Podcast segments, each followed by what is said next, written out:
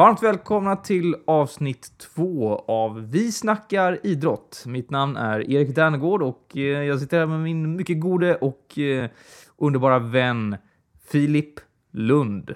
Ja, tack för den presentationen. Ja, vars, varsågod. Du är... ja, ska, ska du berätta lite responsen efter första avsnittet? Ja, vi kanske ska göra det lite snabbt och smidigt. Sådär som, som vi brukar. sågade vid fot, fotknö... Nej. Exakt, alla bara roastade sönder oss. Nej, men vi fick väl, det, vi la ut vårt första poddavsnitt i början på februari. Och nu så är vi, eh, vi är världskända nu. Eh, nej, men vi fick väl, vi fick, eh, vi fick lite respons och det var väldigt bra respons, så det var kul. Ehm, men det finns alltid förbättringspotential, eller hur? Eller vad säger du? Ja, men precis. Och vi, har- vi har ju aldrig gjort det här innan, så det är första gången. Så det är, jag tänker att det är något som får också forma sig med tiden lite. Och vi har ju fått förslag på eh, saker som vi kan ta med som återkommande segment och andra grejer. Så jag tänker att det formar sig med tiden lite och vi gör ju det här mest som en rolig grej också. Så ja, nej, men vi är jättetacksamma för all feedback vi har fått och eh, vi tar med oss det för kommande avsnitt.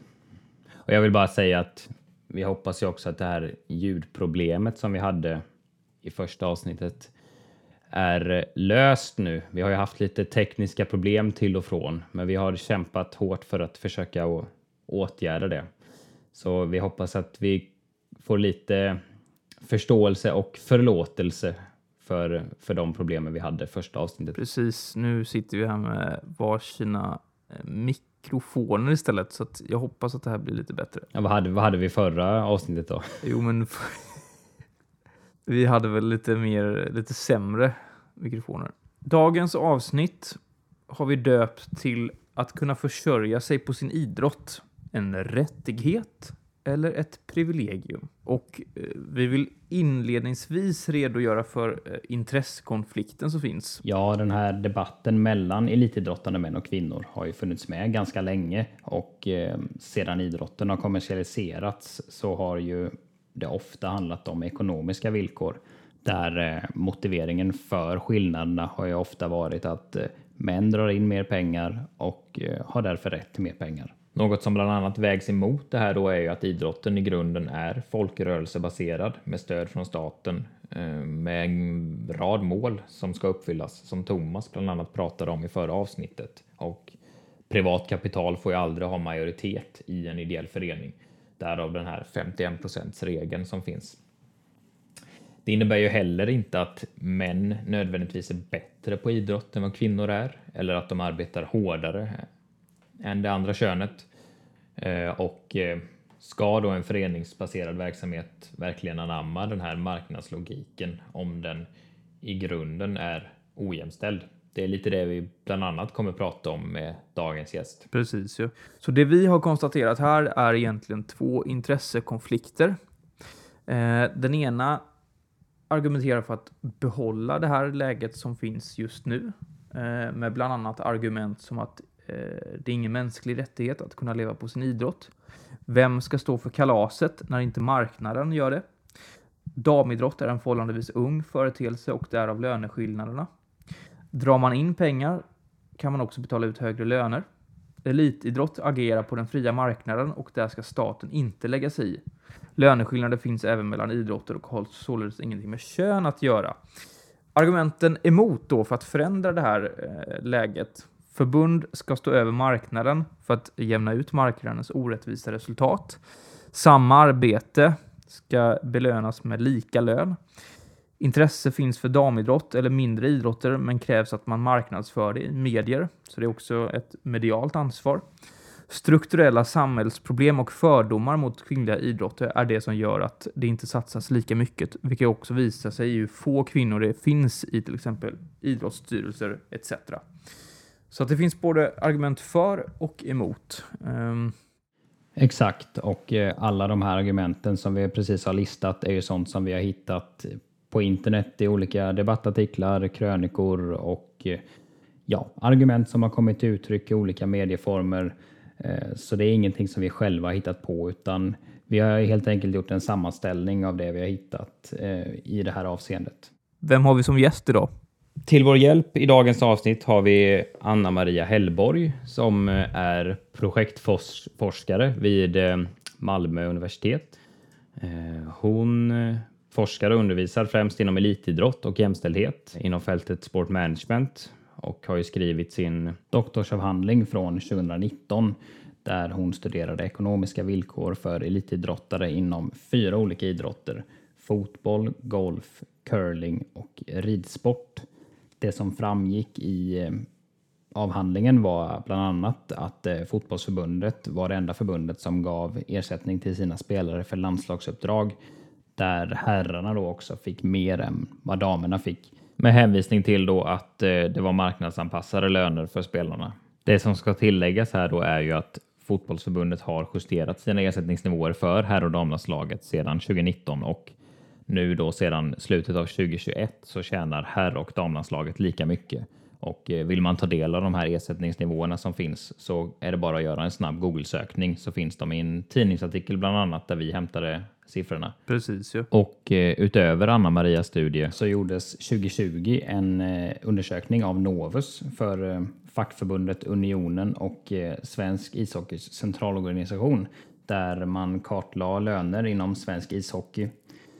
Det som framgick var då att genomsnittslönen för manliga ishockeyspelare var 121 000 kronor vilket då var 20 gånger mer än den kvinnliga snittlönen på 5 500 kronor. Mm. Så det var lite konkreta exempel på löneskillnader som har funnits eller finns inom idrotten. Men eh, jag tänker att vi går över till intervju nu. Så det handlar dagens poddavsnitt om och vi välkomnar er varmt till Eh, en härlig intervju med Anna Maria.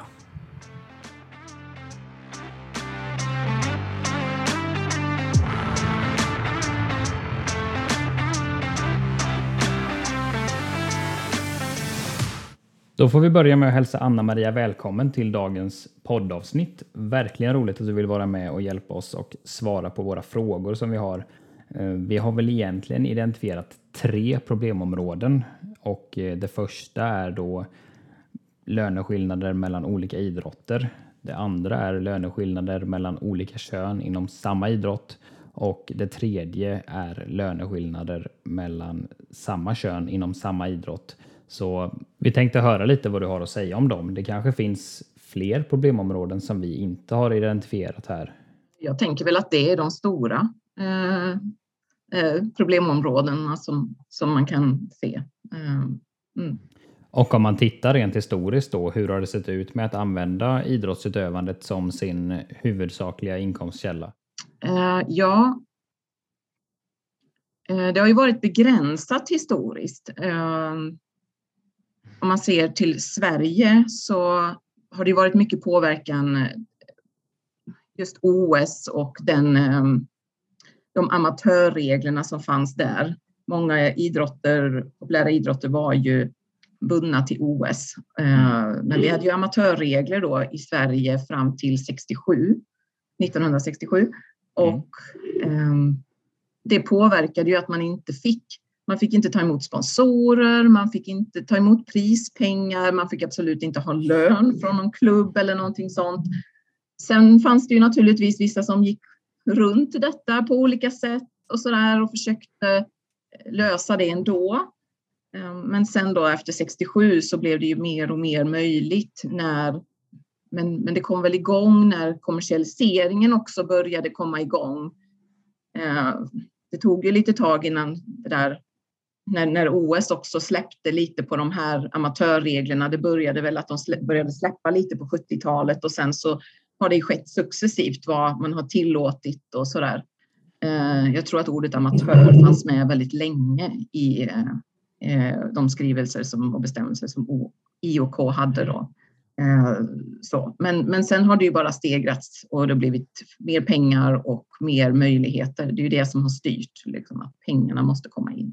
Precis. Och eh, hur ser man då på elitidrottsutövandet som ett yrke idag? Är det, kan det likställas med andra yrken man har eller hur ser man på det som yrke? Eh, jag tror att det är svårt att... Men på viss del så ser man det nog som ett yrke, ett tillfälligt yrke i alla fall för de flesta.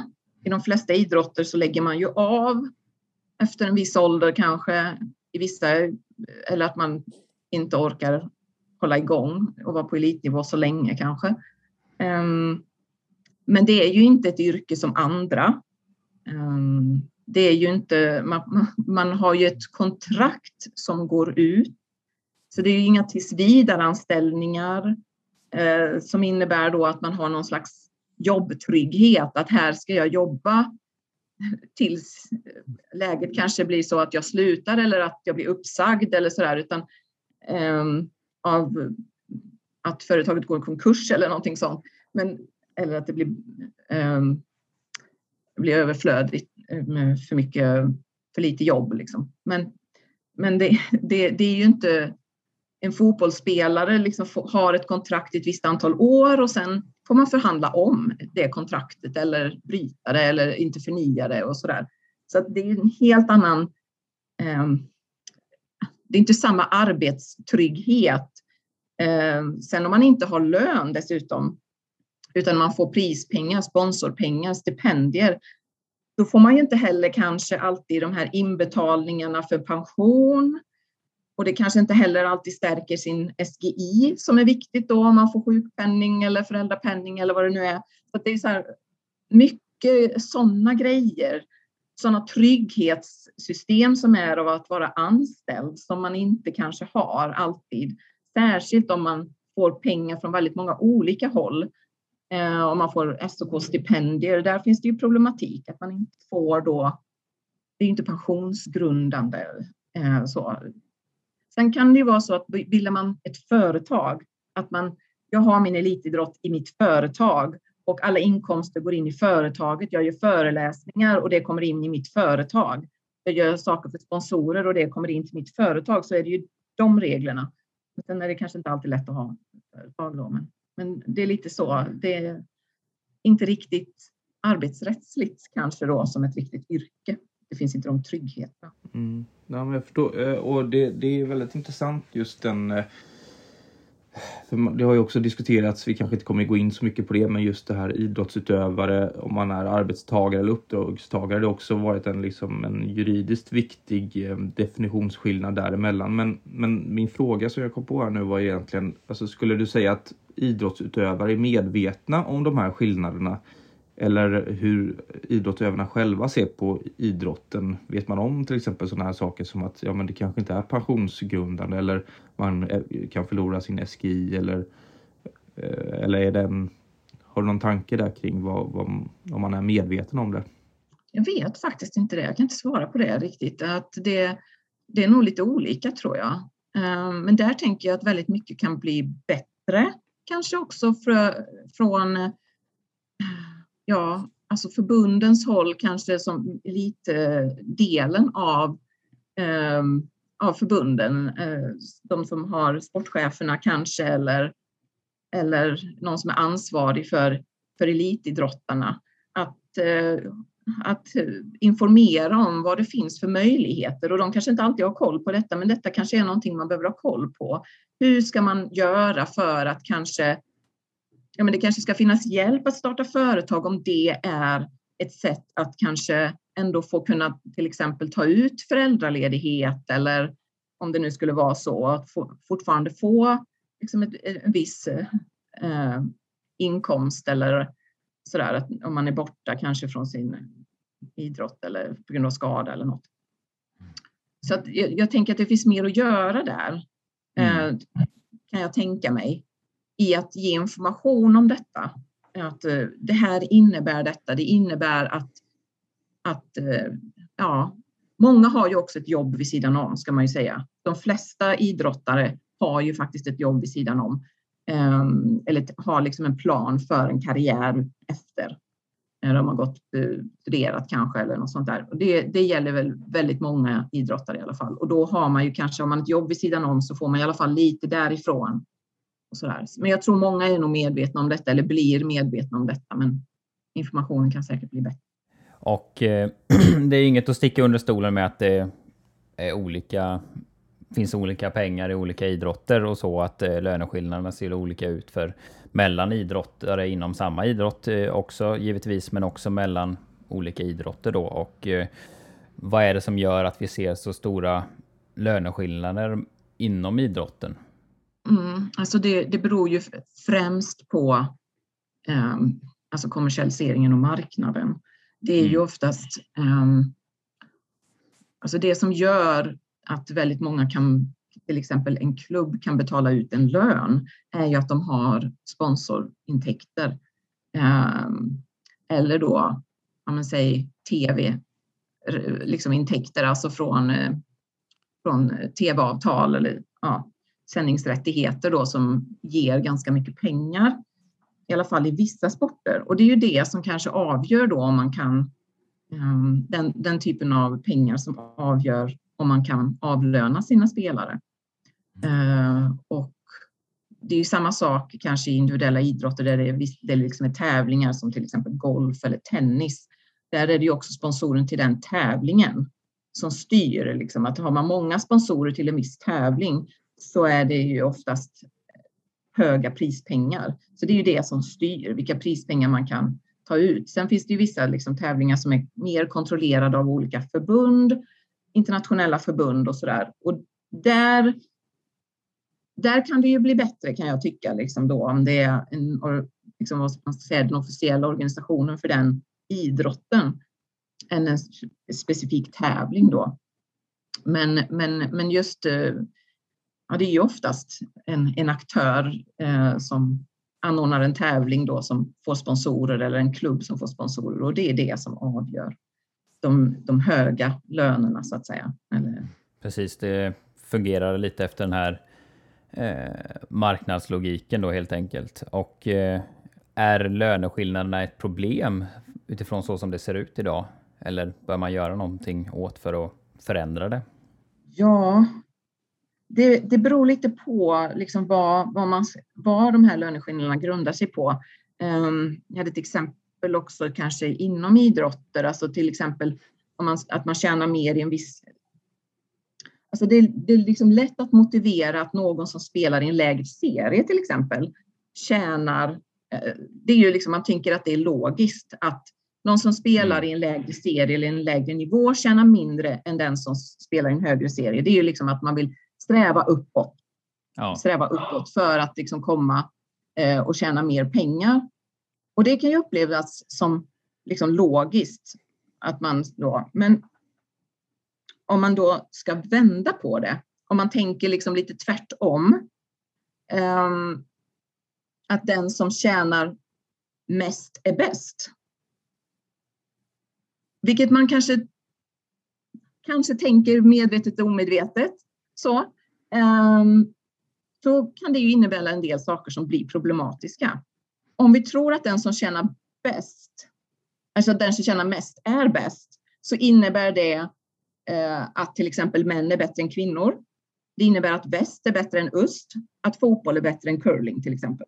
Och problemet är ju med, med mellan de kategorierna är ju att det går inte att sträva uppåt som det gör mellan olika serier. Det går inte att sträva uppåt för att kvinnor kan inte bli män, öst kan inte bli väst och curling kan inte bli fotboll. Så att det på något sätt så i termer av jämställdhet och jämlikhet så kan detta bli problematiskt om vi ser på kompetens, alltså idrottslig kompetens på detta sättet. Så att det finns liksom ingen korrelation mellan tjäna mest och vara bäst. Men liksom för att man befinner sig på olika steg, stegar. Så att, om man, eller ja. Mm. så att och, och, det blir ju kanske lite av ett feltänk att man tänker att det är så att den som tjänar, bäst är bäst, äh, tjänar mest är bäst i och med att liksom löneskillnaderna blir, är olika.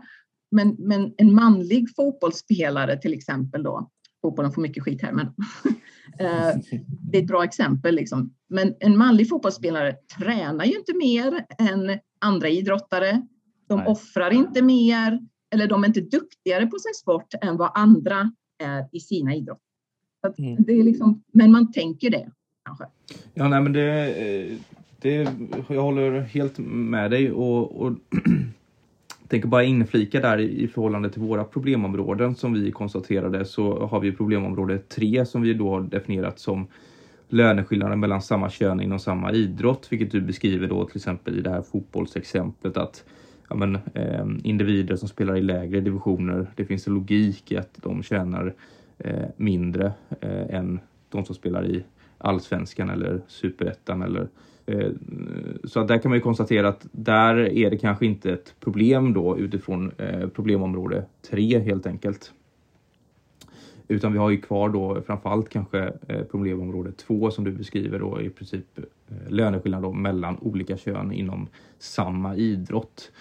För jag, har, jag har en påbyggnadsfråga där egentligen och det kanske mm, det, är, det hör till en, till en av våra lite spetsigare frågor som vi har valt att kalla det. Eh, men då handlar det om att om man pratar om marknadslogiken till exempel.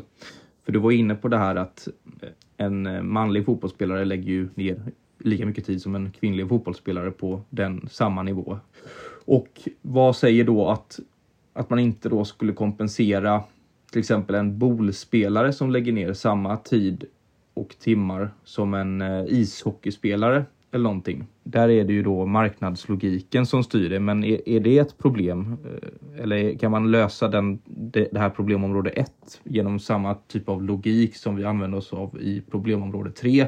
Det blev en lång utläggning, men jag hoppas du förstår ungefär vad, vad jag menar. Jag börjar så får du, säga, så får du ställa någon följdfråga då sen. Men, men Alltså jag ser, det är svårt att se hur man ska kunna kompensera mellan idrotter.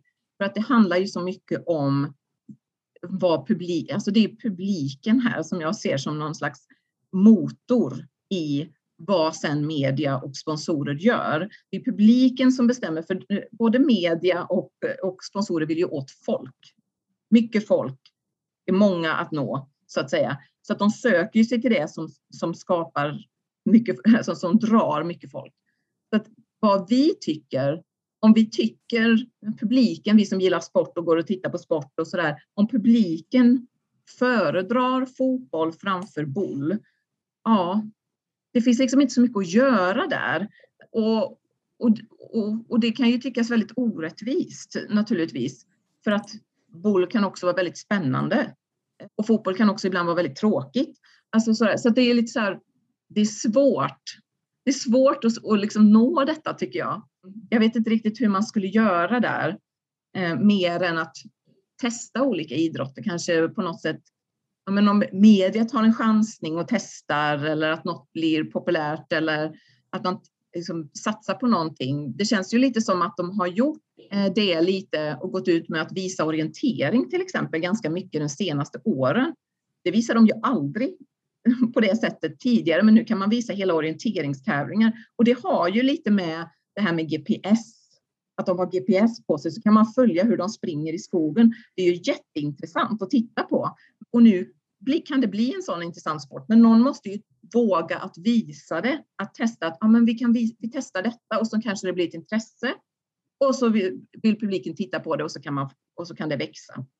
Mm. Men någon måste ju våga testa och kanske också sporterna själva måste se hur kan vi bli attraktiva? Och det finns ju väldigt mycket möjligheter nu med sociala medier att på något sätt själva lägga ut saker och skapa uppmärksamhet för sin sport. Så att, ja. Ja, men jag... Ett jättebra svar på frågan tyckte jag. Ehm, för att jag förstår ju också det att det är jättesvårt liksom, om man ska försöka lösa problematiken mellan idrotter. Men eh, den lösningen som du föreslog, alltså det, det skulle absolut kunna vara bra, framförallt med när sociala, sociala medier är så pass tillgängligt som det är just nu och man själv kan på något sätt marknadsföra sin egen produkt i den här idrottsmarknaden eller vad man ska kalla det. Ehm, men då kan vi bara konstatera här innan vi går vidare då för våra lyssnare att det vi har konstaterat att problemområde 1 möjligtvis kvarstår men att det finns eh, svårighet, praktiska och kanske även teoretiska svårigheter i att hitta en lösning. Problem, problemområde 2 som handlar om löneskillnader mellan olika kön inom samma idrott ehm, är väl enligt min mening en, och säkert ni också en där finns det en, en reell möjlighet att göra någonting åt det, antar jag. På ett mm, ganska annorlunda sätt. Eh, Lund har väl lite fler frågor va? Ja, nej men om man ser till de här...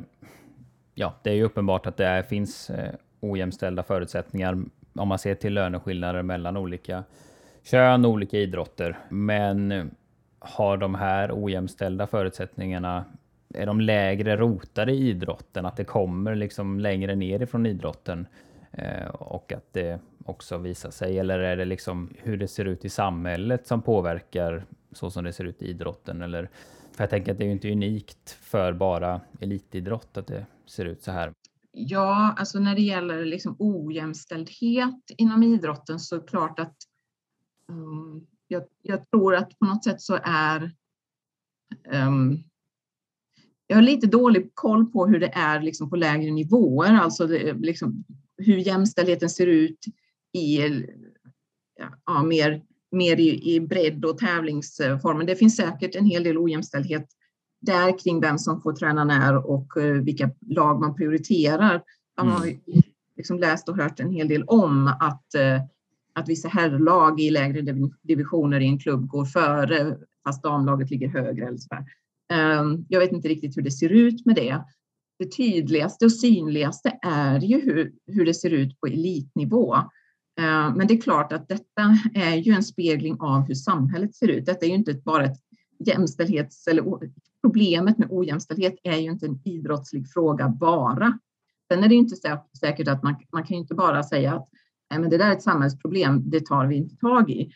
Så kan man inte säga, tycker jag. Men det, det, det, är klart att det finns ju ojämställdhet i samhället som är kopplad till vem har resurser och vem, har, vem bestämmer om resurser och mm. eh, vem är det som styr över de pengar och, och medel som finns. Eh, så att det är klart att det finns eh, i mm. samhället och även då i idrotten och vilka som bestämmer där och vilka som har de största pengarna och vad de tycker är intressant.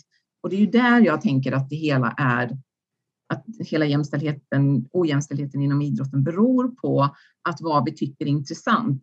Eh, de flesta på något sätt, om man ser globalt sett, men också kanske i Sverige, prioriterar ju den manliga idrotten före den kvinnliga i samma sport. Sen kan det vara olika mellan olika sporter, att man prioriterar kanske eh, damhandboll i någon sport för eh, herrtennis eller något, alltså sådär, för att den sporten inte är lika populär. Så kan det ju vara. Men, men inom samma sport så är det ju oftast männen man prioriterar och det som lockar publik och det som folk vill se på, det som man anses då inom situationstecken vara den riktiga idrotten. Så att säga. Och det ser man ju även om folk pratar om att jo, men jämställdhet är viktigt, så är det ändå dit man går och tittar, det man går och tittar på. Ja, och eh, du nämnde ju lite om förbundens arbete med det här tidigare och så. Och om man ser till idrottens paraplyorganisation RF eh, som någonstans ska verka för en jämställd idrott. Vad kan de göra eller vad bör de göra ytterligare för att jobba med det här? Ja, det är en svår fråga för jag har inte riktigt. Eh, jag uppfattar det som att RF har svårt att sätta krav. Jag vet inte om de skulle kunna sätta krav på förbunden och sätta upp olika regler. De har ju gjort det nu med styrelser till exempel då, att det ska vara minst 60-40 procent. Så att viss påverkan kan de ha, men annars så vill de ju, de har ju en jämställdhetspolicy Eh, som de vill att förbunden ska följa, men det finns inga krav, det finns inga, ni får inga pengar om ni inte följer detta, det finns inga sådana, vad jag vet, krav ställda med konsekvenser, utan de vill nog att förbundet ska lösa detta inom förbunden. Och, och det tycker jag ju att de ska göra så naturligtvis. Men, men, så, men, men RF har, har nog svårt eller tycker inte att det är deras kanske uppdrag. Jag vet inte riktigt vad resonemanget är där, men, men det är ju en möjlighet att RF skulle kunna kanske ställa högre krav. Men borde staten ha något ansvar i förhållande till, ehm, till de här problemen? Eller är det trots allt RF i slutändan som, som borde ta ansvaret? Det är ju RF som borde ta ansvaret eftersom RF får statliga pengar. Det är ju att RF agerar ju i myndighetsställe för att det finns ingen idrottsmyndighet som gör den här fördelningen. Ehm, så på det sättet så kan man ju säga att, att RF har det kravet på sig att, och det är ju därför ehm, jag kan tycka att förbund och alla som är anslutna till RF bör agera utifrån de samhälleliga, samhälleliga värderingar vi har, där jämställdhet och jämlikhet är en del av de värderingar vi har, eh, mm. som vi tycker är viktiga i samhället och som, som staten också tycker är viktigt. Och då innebär det ju kanske att till exempel att jämställdhet och jämlikhet ska beaktas. Kanske också i viss mån att bredd ska gå före elit. Att elit ska inte ske på bekostnad av bredd för att det är det de får pengar för.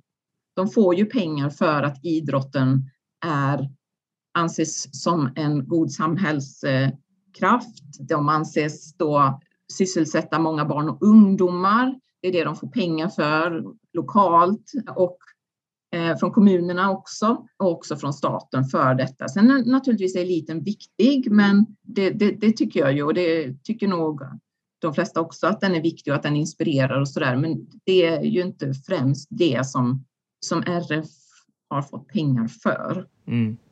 Men bör, bör, staten då i så fall kunna eh, till exempel dra in stödet till RF när man då inte till exempel tar tag i sådana här frågor som trots allt är också samhällsfrågor då som vi var inne på tidigare. Mm. Jag tror ju fortfarande att idrotten gör mycket som är bra som staten ändå uppskattar. Kanske att det behövs ta att det bör ske samtal när man tycker att man hör saker och att man, tyck, man vill utreda saker. Det finns ju faktiskt också en eh, organisation, Centrum för idrottsforskning, som är satt att granska lite eh, eh, idrotten, som då ska ge det här eh, beskedet då till, till till exempel idrottsministern om vad det är som sker inom idrotten och eh, vad som kanske behöver göras. Så det mm. finns ju väldigt mycket, så att jag tror inte att det är klart, ytterst, ytterst, ytterst skulle liksom det helt fallera. Så det är klart att då måste man ju dra, dra in och så där kanske eh, att det liksom inte funkar. Det är inte den samhällsnyttiga eh, aktör som det har varit. Det är klart att då får man ju fundera, men där är vi ju inte än skulle jag säga. Mm. Um, och långt ifrån att vara det också skulle jag nog också säga. Mm. Eh, och jag har en, en fråga ytterligare där för att det som du säger, det är ju ganska man kan ju tycka att det är ändå förhållandevis logiskt till exempel om man när, när vi pratar om RF som äh, agerar i ett myndighetsställe och så kan man ju tycka då att förbund som till exempel är anslutna till RF också på något sätt har någon, någon slags typ av semig offentlig rättslig roll om man skulle dra den parallellen att man ändå är förknippat med något slags äh, nästan som staten eller kommuner på något sätt. Ähm, men vilket ansvar har klubbar och föreningar i det här? Är man fristående, även om man är ansluten till RF såklart, men ska man då dra parallellen att eh, det är eh, företag? För det är det också till viss del på elitnivå. Fristående företag som egentligen inte har offentliga rättsliga regler att förhålla sig till på samma sätt utan konkurrerar på den fria marknaden. Och, eller vad, vad har du några tankar kring, kring det förhållningssättet? Ja, alltså det är ju fortfarande, tillhör man på något sätt RF-familjen så finns det, tycker jag då, vissa av de här värderingarna som ska, som man måste rätta sig efter kan jag tycka. Och jag tycker till exempel då att ja, man ska göra, det är svårt att säga hur, hur just på föreningsnivå, det är klart att jämställdhet och jämlikhet är någonting som man, man, man måste tänka på och så där. Men det, det ja. Nej, men jag, jag håller med dig. Jag, jag tycker också att de ska, de ska ju kunna ta ett ansvar och, och eventuellt så kanske det också kan slå över till en, en negativ attraktionskraft på den fria marknaden om man kanske inte håller sig till jämställdhetsnormer och så vidare. Um, men det, det är för, vi har ju läst lite artiklar och så och det finns ju ja, men, um, röster som tycker att ja, men, föreningar har de reglerar sig själva, de har inget ansvar i det här. Medan andra då tycker att jo men de är ju som du var inne på anslutna till RF och så vidare och får bidrag och då måste de också leva upp till de här samhälleliga kraven och normerna som vi, som vi värderar. Ehm, så jag tror att Lund hade någon fråga va? Ja, ja men det, det, har jag. Men då går vi åter lite till det vi pratade om tidigare med resurser och löner och sådär. Men eh, finns det någon fördelning av de här resurserna mellan idrotter men också mellan kön om man pratar då herr och damidrott som är, ja, vad skulle vara den bästa fördelningen så att säga? Mellan idrotter har jag faktiskt svårt att se hur det skulle ske. Det är i så fall om en, i, om en viss klubb har flera idrotter och att man kanske då däremellan eh, stöttar upp eh, de som behöver lite mer pengar. Det vet jag inte riktigt hur det ser ut, men ja, alltså det, det, det är klart att det är klart att jag tror att många ofta har gjort så att om man har ett damlag och ett herrlag i samma, att man på något sätt, ofta så är det ju herrlaget då som drar in mer pengar och så kanske man liksom flyttar över lite pengar. Sen är det ju svårt att säga, alltså de flesta skulle ju säga att ja, men det är herrlaget som drar in pengar, därför ska de, därför av, liksom avlönar vi dem, men vi avlönar inte damlaget. Och det kan man ju säga. Jag har inte riktigt tänkt så mycket på det här med på klubbnivå, men just om man ser till liksom landslag, om vi kommer liksom tillbaks till liksom närmare RF, så kan jag tycka att där ska man ha samma avtal.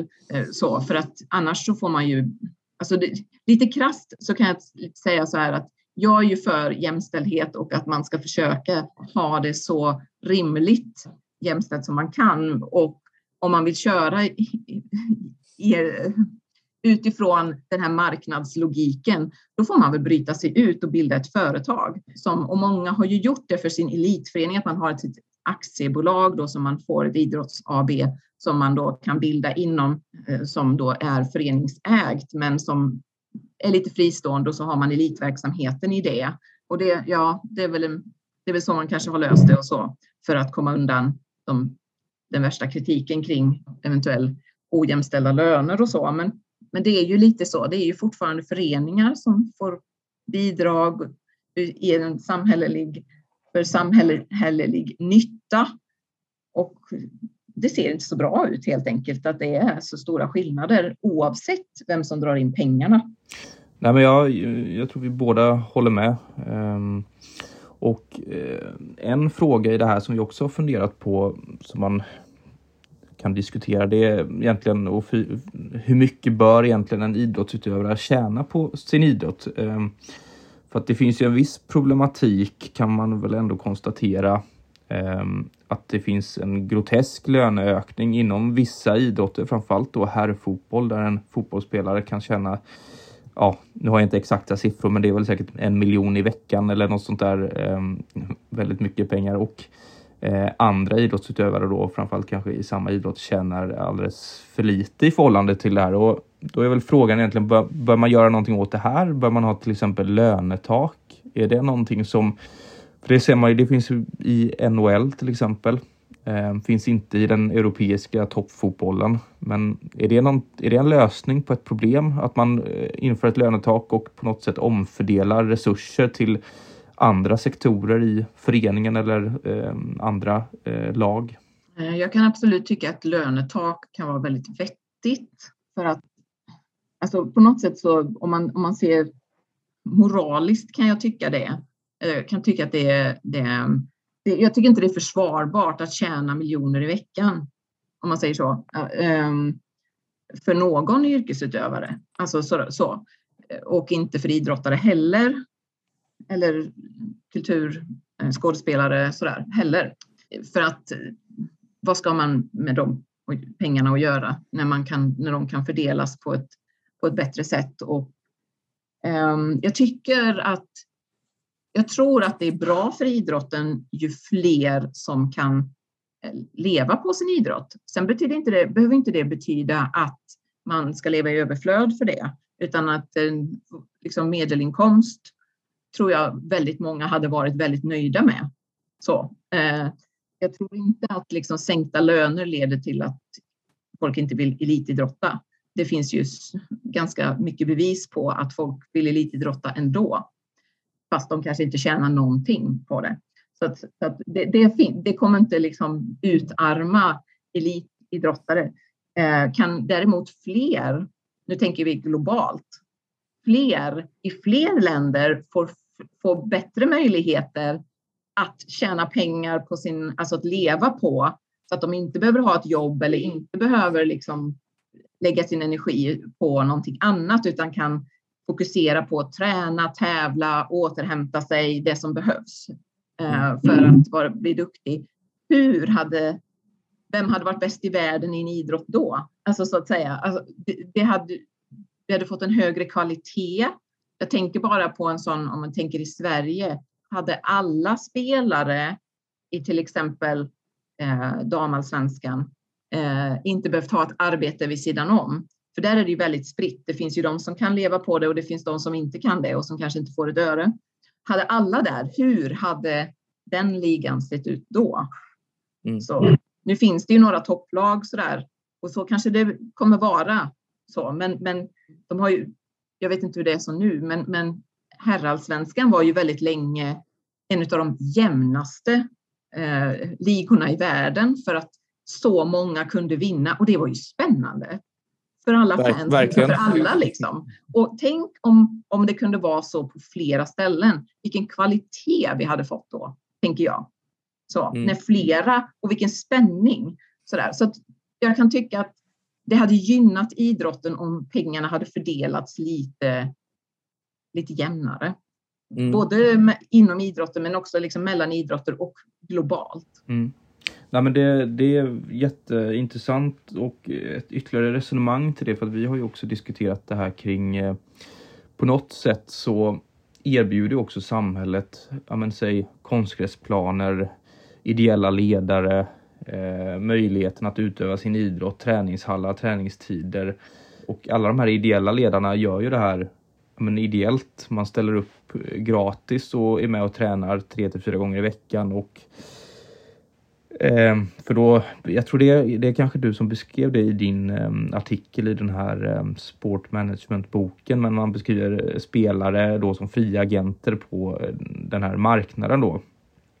Men då, då har vi också diskuterat att man har, man har ju ändå på något sätt tagits fram och kunnat nå dit man har nått på grund av också de samhällsresurser som man har haft tillgång till i form av ehm, att man på något sätt då att en omfördelning av resurser eh, kan te sig vara ganska så eh, en rättvisefråga egentligen på något sätt. Att det, man hade kunnat ge tillbaka och kunna då arvodera till exempel ideella ledare istället för att lägga monsterlöner på på herrspelare då i allsvenskan till exempel och då kunnat kanske få tio ideella ledare istället. Så det är väl också ett resonemang som hör ihop lite med det, med det du sa innan. Jag vet inte om du vill kommentera det? Men... Ja, alltså jag kan ju, det man kan säga kring det är ju också att det kanske kommer att komma behövas just med om det nu är så att eh, eh det ideella eh, ledarskapet minskar ehm, eh, och också det ideella att, att eh, folk ställer upp ideellt. Så det kanske skulle vara ganska välkommet att kunna avlöna fler. Eh, och jag tänker också att det finns en, det är eh, en väldigt bra poäng tycker jag att, att ge tillbaka. Eh, man har ju ändå växt upp i det här systemet. Som svensk idrottare så har man ju fått väldigt mycket av idrotten och man har, det är mycket som har, som har liksom subventionerats och blivit, varit eh, ja, minskade kostnader för att Eh, man som barn och ung ska kunna idrotta. Så att absolut, att ge tillbaka tycker jag, det, det tycker jag absolut att man ska kunna göra. Vi har en avslutande fråga här och eh, ja, jag vet inte, idrotten har ju såklart andra värden än att tjäna pengar på sin idrott med vad idrotten finns till för. Men skulle man, det kanske blir den här allra mest kommersialiserade delen av idrotten, men kan idrotten ses som ett karriärval där man gör ett aktivt val för att spela fotboll, om vi tar det som exempel, och ha det som yrke? Ja, det är det väl, tänker jag. Det är ju många som eh, som drömmer och som tänker att jo, jag ska, jag ska dit, jag ska bli hockeyproffs eller fotbollsproffs eller sådär.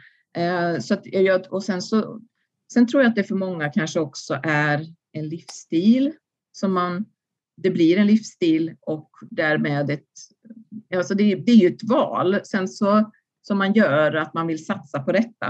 Eh, sen är det ju tillfälligt karriärval jag tänker på i vissa idrotter så är det ju kanske mer ett liksom långsiktigt att detta vill jag, till exempel inom ridsport så är det ju någonting som man kan hålla på med hela sitt, alltså hela sin arbetskarriär liksom så att säga. Men det finns ju många som, som rider på elitnivå som är liksom, som är äldre, som är kanske över 50 i alla fall, kanske ännu äldre. Så att det där, och där men där handlar det ju också om att man har en annan verksamhet oftast vid sidan om som är inom häst. Alltså så att man tränar eller tränar hästar eller eh, föder upp hästar och sådär. där. så att där blir det liksom en naturlig livsstil. Jag väljer att syssla med häst och så, så tävlar jag kanske en viss period och sen så. Men inom andra idrotter så får man ju kanske jag tänker man att man ska bli proffs och tjäna jättemycket pengar som det nu går så kanske man tänker att ja, men då är jag färdig sen. Då kan jag göra vad jag vill. Då är det mm. liksom lite öppet, världen är öppen för att jag har så mycket pengar att jag behöver inte jobba mer i mitt liv om jag vill. Men sen öppnas ju andra dörrar också. Det kan ju också vara så att man vill bli, till exempel inom fotboll då, man tänker att ja, men jag ska spela, sen ska jag bli tränare. Det är många som går den vägen och så är det nog i flera idrotter. Eh, sen kanske det är så att man tänker, ja men eh, för många blir kommentatorer i tv, radio. Så tänker man att ja men det löser sig nog. Jag kan nog göra någonting. Mm. Eller så har man en plan, jag ska göra någonting helt annat. Jag ska bli läkare eller lärare eller någonting. Men eh, i förhållande till den frågan som, som Filip ställde så skulle du säga att man får stå sitt kast om man ska uttrycka det ganska så eh, krast. Eh, det finns ju en del argument i, i den här diskussionen som menar på att ja, men det är ett karriärval precis som vilket annat som helst och man får analysera innan man väljer eh, sitt, eh, sitt yrke och se vilka möjligheter som det finns att nå ekonomisk framgång då. Var, har du något, någon kommentar till, till just det resonemanget? Um, det beror på vad man menar. Det är klart att det är bra att vara medveten om att inte ha några illusioner kring vad det innebär att satsa. Sen är det ju så att alla lyckas ju inte heller. Det är ju väldigt många fler som satsar än de som lyckas, eh, så att säga.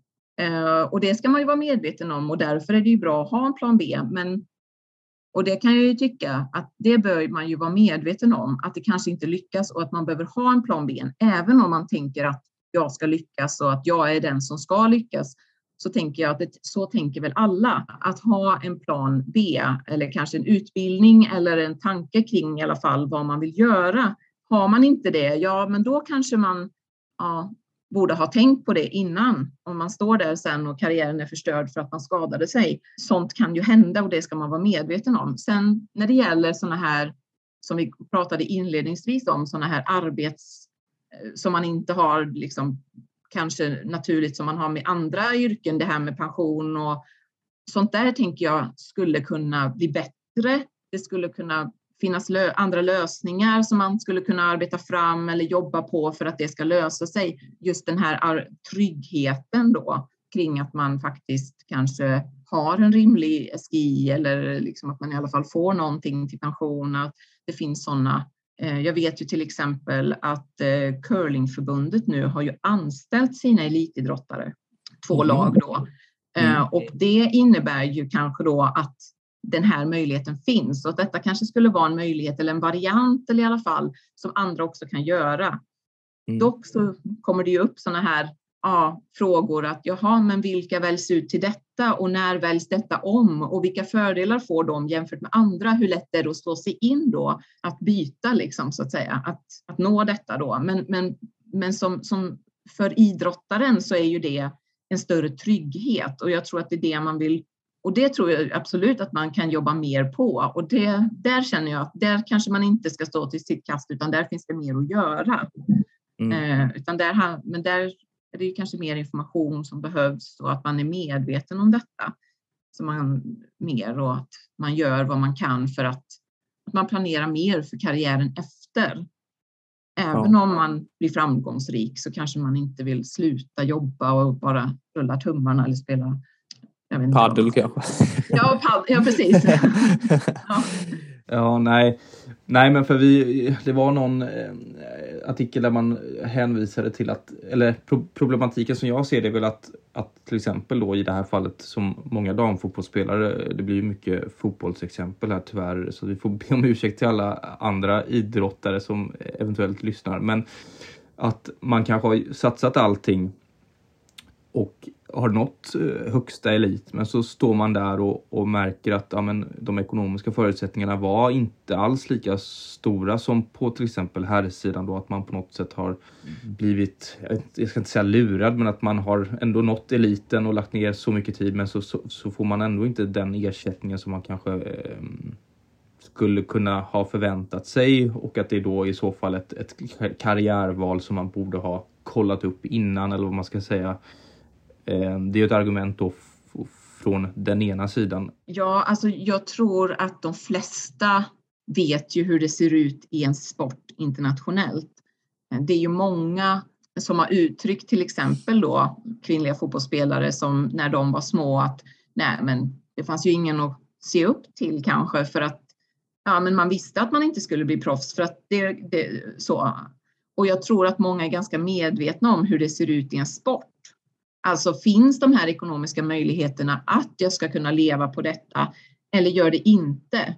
Sen är det ju en fråga om att säga att det finns de möjligheterna. Men kommer jag nå dit? Det där är ju en annan fråga som man kanske då, det, jag, jag tänker att det är mest där man kanske behöver uppmuntras att tänka att det kan vara så, även om jag kanske är jätteduktig och har en jättetalang och under alla, liksom, hade de optimala förutsättningarna så hade jag nått elit eh, eller liksom toppnivå i världen.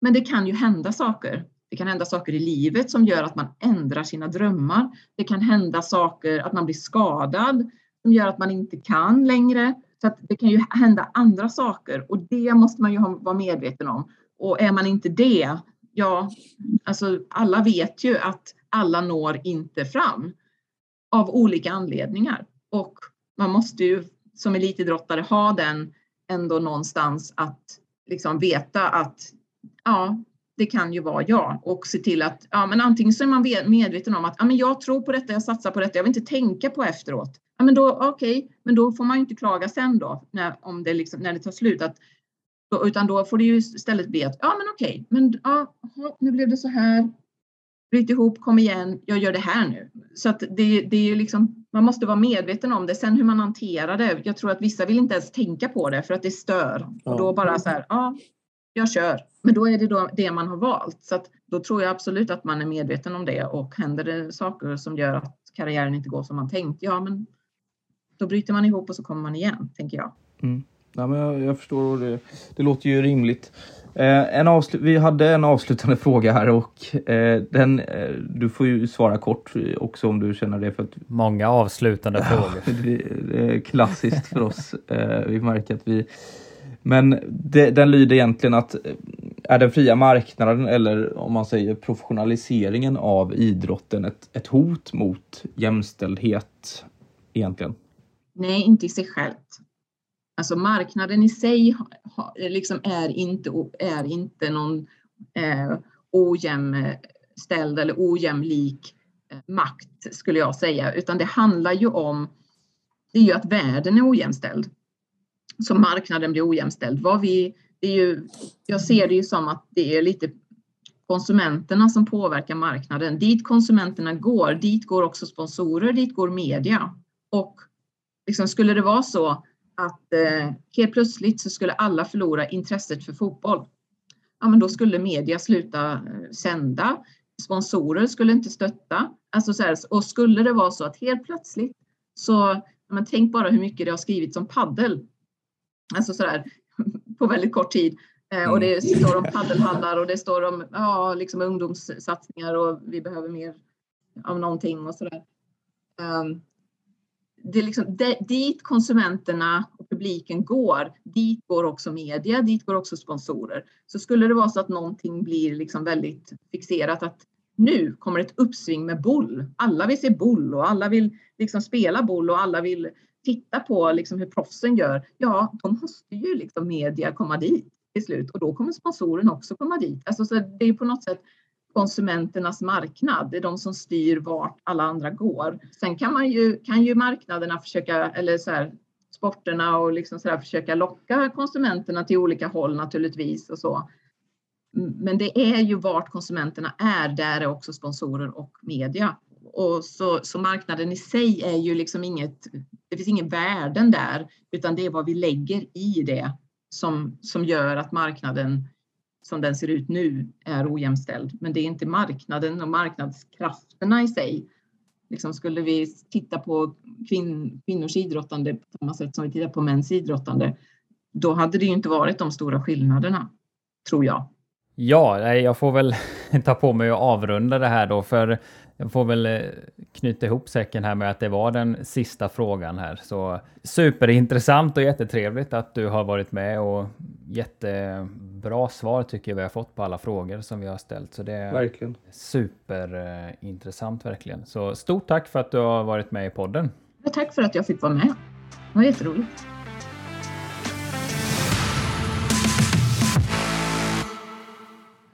Ja, det gick ju lite bättre det där med ljud och teknik. Vi fick ju med hela intervjun i, åtminstone, så det är ett steg i rätt riktning. Nu då så ska vi, likt förra gången, sammanfatta lite vad vi har gått igenom och eh, det finns ju skilda intressen och skilda ås åsikter inom de här bitarna och eh, det kommer ju skilja sig beroende på hur man frågar vad som är rätt och vad som är fel. Vissa hävdar ju att damidrott har ett lägre underhållningsvärde och därför tjänar de mindre pengar med eh, medans andra hävdar att det ska ge ske någon jämställd fördelning av resurserna där verksamhet som har statligt eh, finansierat stöd eh, och är föreningsbaserad inte ska styras av marknadslogiken så att säga. Precis, och, och där kan man ju för att förklara den här marknadslogiken dra en parallell då till ett annat problem som vi också diskuterade i intervjun med att idrotter som inte är li lika attraktiva i ett underhållningsperspektiv eh, inte heller då har samma dragningskraft och inte heller samma rullians på intäkter. Um, som ett, ett hypotetiskt löjligt exempel, men Bull till exempel. Um, där tränar säkert um, professionella bollspelare lika mycket uh, som, som vilken annan idrott som helst. Men får inte heller då betalt för det. Eller, och där kan man väl också vända på, på pannkakan om man säger så. och ställa sig frågan um, som vi har pratat väldigt mycket om. att Är det rimligt att, att den löneökningen som har skett inom då fram, framförallt herrfotbollen har tagit de proportionerna som det har gjort? Är det, ehm, är det etiskt eller moraliskt försvarbart att en fotbollsspelare som ett exempel säger vi tjänar en miljon per vecka för att spela fotboll. Um, är det försvarbart? Um, kan man ju ställa sig frågan och borde man, är det där problemet ligger också till viss del? Um, jämför man med andra yrkesgrupper så kan man ju fråga sig, ja men borde kanske inte en undersköterska också då kunna få en bättre lön till exempel? Mm. Eh, som trots allt eh, är med och räddar liv på, i sitt yrke och bidrar i, i väsentlig grad till, till samhället på ett annat sätt än, än en idrottare gör som ägnar sig åt någonting som för, för större delen av oss andra är ett eh, de är fritidsutövande egentligen. Mm. Och det, en, det, kan man väl säga att det kanske är en, en moralisk fråga eller en, som man får ställa sig och diskutera. Men det är, så här, det, det, det är komplext också. Det är, ja, jag, jag vet inte vad som skulle vara den absolut bästa lösningen. Man har ju pratat om de här olika fördelningsprinciperna där det skulle då baseras på grupper, att det skulle delas 50-50 rakt av mellan män och kvinnor eller per individ, att alla får exakt samma eller per preferens som man skriver då med de där exempelvis om det är flest tjejer som utövar gymnastik så, så får den delen mer pengar Eller tvärtom, att den underrepresenterade gruppen får mer stöd så för att kunna växa och bli starkare. Så det är också de här olika fördelningsprinciperna som man diskuterar som skulle kunna vara någon lösning. Men det är ju som allt annat. Det finns ju inget som är helt invändningsfritt. Och Precis, det... ja. Och vi var ju inne lite på den diskussionen med Anna Maria att, att man kan, kan prata om en, en eh, resursfördelning även inom idrotten. Att det kanske inte är bra om man ska dra samhälleliga paralleller till idrottens värld, att det finns en, en klick som då tjänar väldigt mycket medan det finns andra människor i, inom idrottsrörelsen som inte alls får samma utdelning av, av det arbete som görs. Eh, exempelvis så har ju alla herrfotbollsspelare i landslaget då till exempel haft en ungdomstränare som har lagt ner x antal timmar på att vara med och träna dem från unga år. Eh, föreningar har bistått med bollar, material, eh, plantider och så vidare.